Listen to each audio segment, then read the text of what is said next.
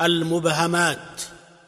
ومبهم الرواة ما لم يسمى كامرأة في الحيض وهي أسمى. ومن رقى سيد ذاك الحي راق أبي سعيد الخدري. ومنه نحو ابن فلان عمه عمته زوجته ابن أمه.